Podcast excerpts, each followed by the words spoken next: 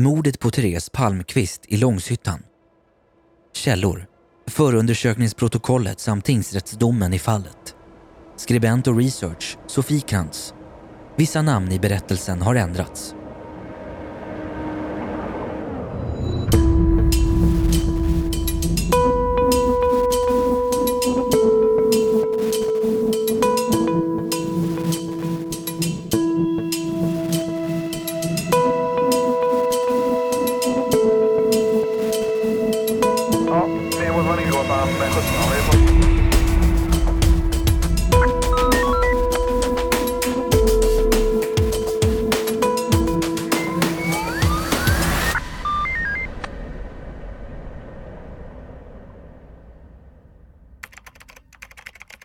Den 7 mars 2017 så får Stina Eriksson på Länsstyrelsen in en anmälan ifrån en anonym person om att denne är orolig för katter som bor på Solsvedsvägen 8 i Långshyttan.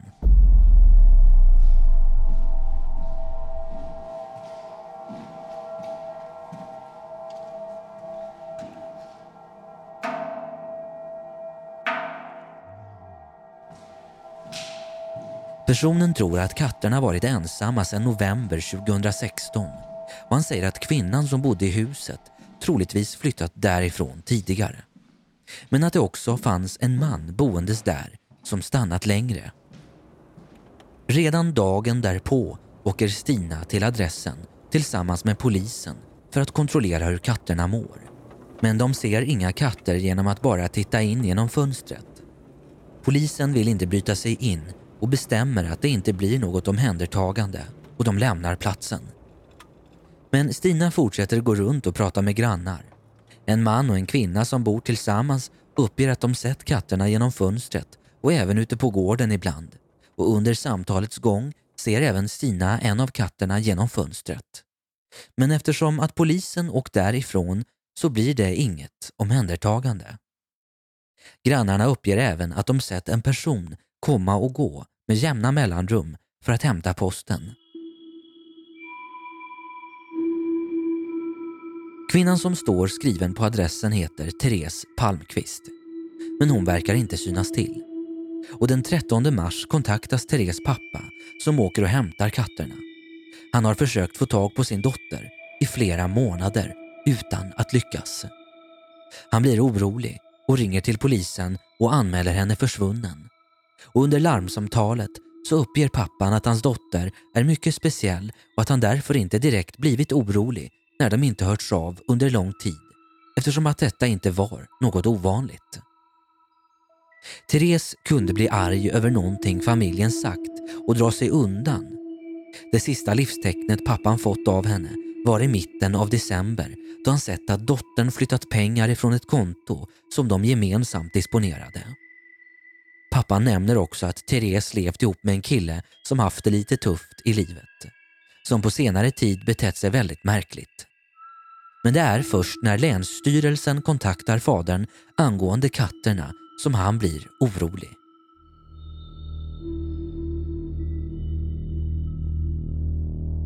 För Therese skulle aldrig lämna sina katter på det sättet. Redan vid första samtalet med polisen så nämner fadern att han tror att hans dotter råkat ut för någonting. Han kommer att få ringa till polisen flera gånger och i sin förtvivlan vädja om att de ska leta igenom fastigheten på Solsvedsvägen 8 ordentligt. Han känner att hans dotter är död. Och det här blir början på en otroligt tragisk mordutredning.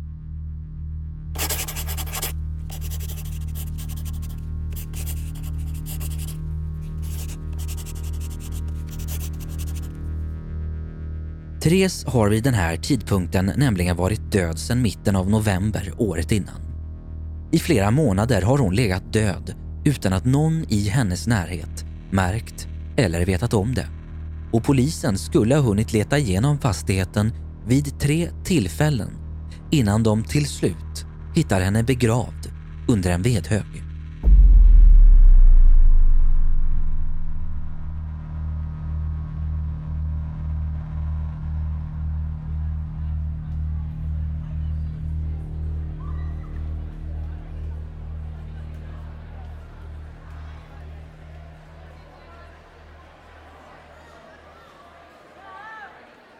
Therese och Björn lär känna varandra på lågstadiet.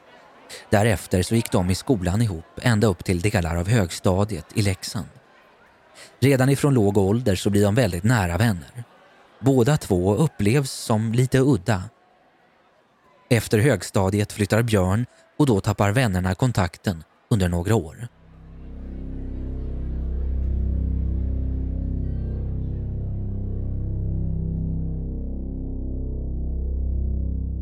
Redan ifrån början har Björn det jobbigt. Hans mamma har haft stora problem med missbruk. Hon slutar dock under tiden som hon är gravid. Men fem dagar innan Björn föds dör hans far. Det blir för mycket för mamman som börjar missbruka igen. Och när Björns lillebror Thomas föds blir båda två fosterhemsplacerade hos en familj i Leksand. Omgivningen uppfattade det som att pojkarna hade det bra där men det skulle visa sig inte stämma. Familjen var anmälda av socialtjänsten vid flera tillfällen och under tiden som bröderna bodde där utsattes de för övergrepp och fick inte sitta med familjen och äta. Och när Björn kommer upp i tidiga tonåren så börjar han använda droger och desto mer åren går börjar han försätta sig själv i stora skulder.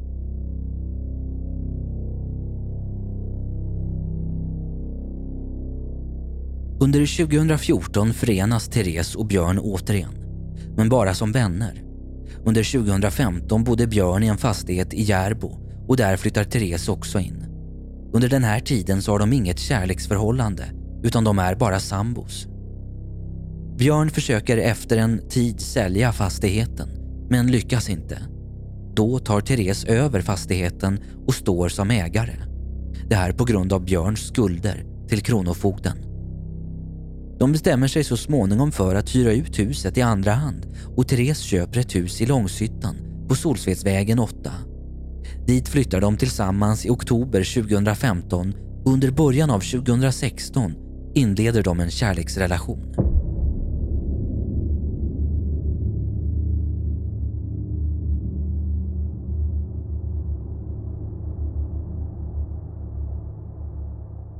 Therese försörjer sig som frilansande översättare för manualer och instruktionsböcker ifrån engelska till svenska. Hon säljer även oljor och liknande produkter på nätet. Alltså arbetar hon hemifrån. Björn lyckas inte hitta något jobb där han får en fast anställning, så han reparerar bilar och tar betalt svart. Therese är en sann djurvän och älskar sina två katter som om det vore hennes barn och Björn äger en hund. Paret planerar att gifta sig och under sommaren 2016 åker Björn hem till Therese pappa och ber om hennes hand. Men allting mellan Therese och Björn är inte så bra som det verkar på ytan. Björn har stora problem med narkotika och vänner vittnar om att han pratar om och med Therese på ett nedlåtande sätt. Det var inget ovanligt att han kallade henne för idiot eller sa att hon var äcklig. Björn är tidigare dömd för våld mot kvinnor. Han dömdes för grov misshandel emot en exflickvän då han slog henne med en yxa. Och förutom det här så är han även dömd för våld mot tjänsteman. Den senaste domen får han så sent som den 23 september 2016. Då döms han för snatteri vid fyra tillfällen, olovlig körning, rattfylleri och ringa narkotikabrott till dagsböter. Det råder ingen tvekan om att Björn har svårt att hålla sig på rätt sida av lagen eller ha kontroll över sina aggressioner. Vid ett av parets större bråk går Björn ut till sin husvagn som står på gården. Då låser Therese alla dörrar och det får Björn att se svart. Han tar en yxa och slår sig in i huset genom källardörren. Under brottsplatsundersökningen hittar man Therese dagböcker och vad som står i dem är mycket skrämmande och visar att hon var mycket rädd för sin sambo. Vi ska nu läsa upp delar av hennes anteckningar.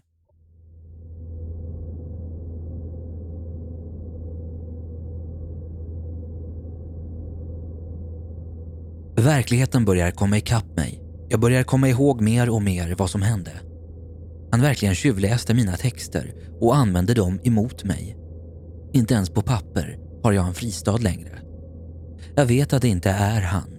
Det är medicineringen som gör honom paranoid och jag har inga hemligheter. Men ändå. fortfarande lite fascinerad över hur jag står ut med hans sällskap. Sen när blev jag sån? Han höll på att stressa om grejer idag. Jag försökte säga att det inte var så viktigt att han behövde bli arg över det. Sen glömde jag bort mig och sa att det var ett par tavlor som han tänkt ta in som skulle stå kvar ute. Det skulle jag inte ha gjort. Vilken jävla utpressning egentligen. Säg inte emot mig för då knarkar jag ihjäl mig. Nej, jag är för rädd. Smsen har gått flitigt hela kvällen och han ska väl iväg och assistera med sprutor igen. Ligger och lyssnar efter att bilen åker iväg. Kanske kommer han hit och börjar tjata om någonting jag gjort fel bara för att ha en anledning att dra därifrån. Det kanske är lika bra att jag drar istället. Då slipper han låta mig bo här och kan dra hem hur mycket pundare han vill och bomma igen fönstren och starta dagis. 10 i tionde 2015 Mysig kväll igår. Men jag blev övergiven i natt igen. Jag är så jävla arg. Det kommer lösa sig. Pappa kommer rädda mig så att jag kommer härifrån. Frågan är väl mer när jag kommer få komma. Eller hur? Jag letar upp mod för att berätta för Björn att jag inte vill att han följer med. Men samtidigt vet jag att jag kommer få ångra det. Men det här är inget liv heller. Leva under någon annans kontroll på det här sättet. Jag känner mig som en fånge. Han kan väl sitta där med sin yxa och hota kronofogden tills han hamnar i fängelse. Han stängde ut mig i kylan igår och låste dörren. Jag förtjänar alla hot och hat jag får. Jag förtjänar min ångest. Vet egentligen inte varför, men alla verkar vara rörande överens. Hela min familj har vänt mig ryggen. Jag är inte välkommen hem längre. Skrev ett väldigt ovälkommet sms. Hoppas att han inte tar det som en inbjudan att skrika på mig i dörröppningen igen. Vet att ni inte är intresserade av mig. Vet att ingen någonsin kommer att läsa den här texten, vare sig jag dör idag eller ej. Men jag är intresserad av er. Han såg på mig som om jag var livsfarlig. Var så arg och skrek att jag var en jävla fitta som hotade katterna. För att jag var ensam och uttråkad. För att jag ville ut och boxera bilar. För att jag ville vara med honom. För att jag ville ge honom någonting. För att jag ville se honom glad. Jag blir inte starkare med åren. Jag blir känsligare och för varje smäll så gör det mer och mer ont. Det dröjer inte länge innan Björn blir misstänkt för mordet på Therese. Han erkänner ganska snart att det är han som tagit livet av henne. Men hans historia är annorlunda emot den som framkommit under utredningens gång. Han berättar att paret nyligen genomgått en hindersprövning och köpt förlovningsringar. Therese var inte rädd för honom, utan snarare rädd om honom. Han förnekar att han använder droger och säger att inte heller Therese gjorde det. Relationen gick lite upp och ner och han uppger att det förekom våld av normalgraden. Han har aldrig slagit Therese utan bara knuffat till henne när de bråkat med varandra. Oftast var det helt oväsentliga saker som diskuterades och det ledde aldrig till några större konflikter. Om själva morddagen berättar han följande. Den 20 november skulle han och Therese åka på en hälsomässa i Örängarna som ligger mellan Långshyttan och Hedemora. Björn vaknar efter Therese runt 11.00 och går direkt ner i källaren för att klyva ved och tända brasan. Under tiden som han står med yxan och klyver så kommer Therese ner. Hon är påklädd och redo att åka iväg men blir upprörd när hon inser att Björn sovit alldeles för länge och glömt bort att de ska åka. Björn kallar henne för bitch och frågar varför hon är så grinig. Therese reagerar starkt och börjar skrika på honom. Hon tar tag i en sopkvast och slår till honom på axeln. Nu tänder Björn till och blir rasande. Han slår till henne med yxan han har i handen. Hon hinner se att han kommer mot henne och vänder sig om. Yxan träffar henne på vänstra sidan av hennes huvud och hon faller till marken. Hon skriker inte och Björn tror att hon tuppar av direkt. Det enda livstecknet han hör är ett gurglande ljud. Han utdelar ytterligare slag mot hennes kropp när hon ligger på marken och händelseförloppet handlar om sekunder och han tänker inte alls på vad han gör. Det var stundens ingivelse som spelade in och inte alls planerat. Han hade aldrig haft en enda tanke på att döda Therese. Men i källaren är det blodstänk överallt. På golvet, i taket och på väggarna. Han lämnar hennes kropp i källaren tillsammans med yxan och åker hem till sin lillebror. Han är fullkomligt förstörd och förvirrad. Han inser vid den tiden knappt att hon är död. Han visste att han snart skulle bli misstänkt och frihetsberövad och enligt Björns egen utsago så hade han tänkt anmäla sig själv men var tvungen att hitta ett hem åt sin hund Tyson först. Efter besöket hos sin lillebror åker han hem till huset på Solsvedsvägen igen och lägger sig på soffan. Där ligger han i flera dagar och funderar över vad han gjort. En likdoft börjar leta sig uppåt ifrån källaren och Björn bestämmer sig för att gå ner.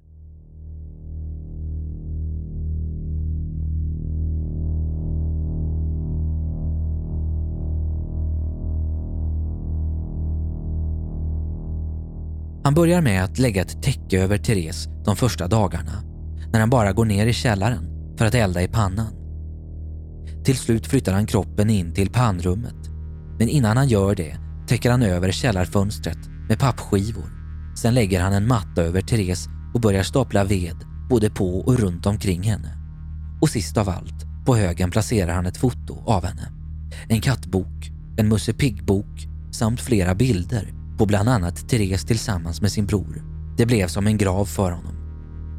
Därefter börjar han städa i rummet som han några dagar tidigare mördat sin sambo i. Han försöker skrubba bort allt blod med vatten och en stålborste. Det här tar flera dagar. När han städat färdigt inser han att det ser märkligt ut på väggarna efter att han använt stålborsten. Och för att dölja spåren ännu mer bestämmer han sig för att måla om både väggar och tak.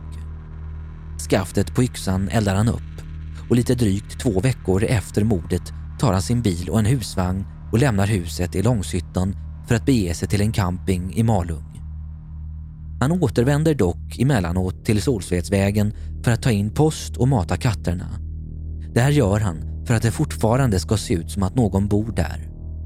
Han använder också Theres mobiltelefon och svarar på meddelanden som olika personer skickat. Genom telefonen har han tillgång till hennes konton och bank-id. Han både flyttar och tar ut pengar vid flera tillfällen innan han till slut gör sig av med telefonen. En av dem som får svar under den här tiden är Sandra Ekström. Hon och Therese känner varandra genom en grupp för anhöriga och vänner till alkoholister och andra missbrukare. Under månaderna som går befinner sig Björn mycket i Norge där han drar runt husvagnen ifrån olika campingar och samtidigt som han är på resande fot tar han del av medieuppdådet som uppstått efter att Therese pappa anmält henne försvunnen. Nu visste han att det bara var en tidsfråga innan han skulle gripas och i början av april befinner han sig med sin husvagn i Järbo. Han pekar till en början finger åt polishelikoptern som cirkulerar ovanför hans gömställe. Men gripandet sker så småningom odramatiskt. Delar av Björns berättelse verkar stämma. Dock så är det flera som vittnar om att de misstänkt att han behandlat Therese illa. En före detta flickvän till Björns lillebror vittnar om att Therese en gång hade en blåtira när de träffades alla fyra. Det här gjorde henne orolig, men hon fick aldrig tillfälle att prata med Therese i enrum och när de frågade vad som hänt så sa Therese bara att hon hade ramlat. Och i slutändan så är det fler än Björn som hamnar hos polisen. Det gör nämligen även hans bror Thomas och en gammal lärare till bröderna som vi kan kalla för A. Varför? De tar sig förbi avspärrningarna vid huset på Solsvedsvägen, vilket är allvarligt och framförallt straffbart.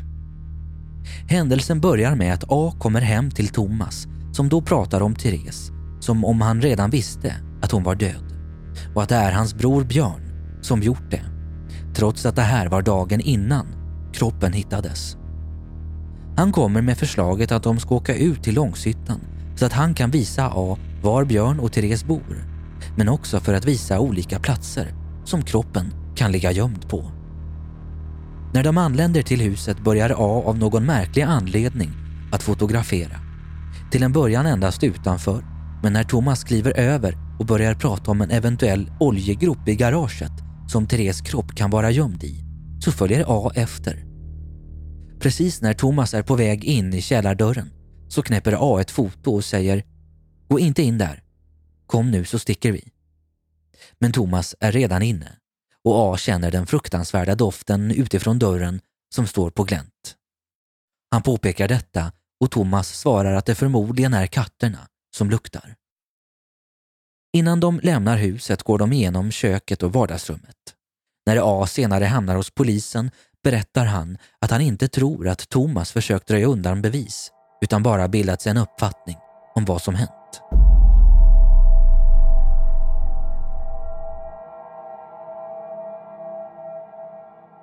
I Falu tingsrätt döms Björn till 16 års fängelse för mord. Domen överklagas till Svea hovrätt som fastställer straffet. Efter att Björn fått sitt straff så ställer Thomas upp på en intervju för tidningen Expressen där han bland annat berättar om deras eländiga uppväxt. Han säger också att han inte tror att Björn var kär i Therese. Han ville ha hennes hjälp att bli av med sina stora skulder och gjorde det han var bäst på, vilket var att utnyttja snälla människor. Och mot personer som sa någonting negativt om honom fanns inga spärrar alls.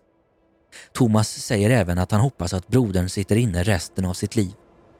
Det går inte att ta någon annans liv och sen sitta en viss tid. Det är inte straff nog. Jag tycker att han ska sitta livstid, som livstid ska vara.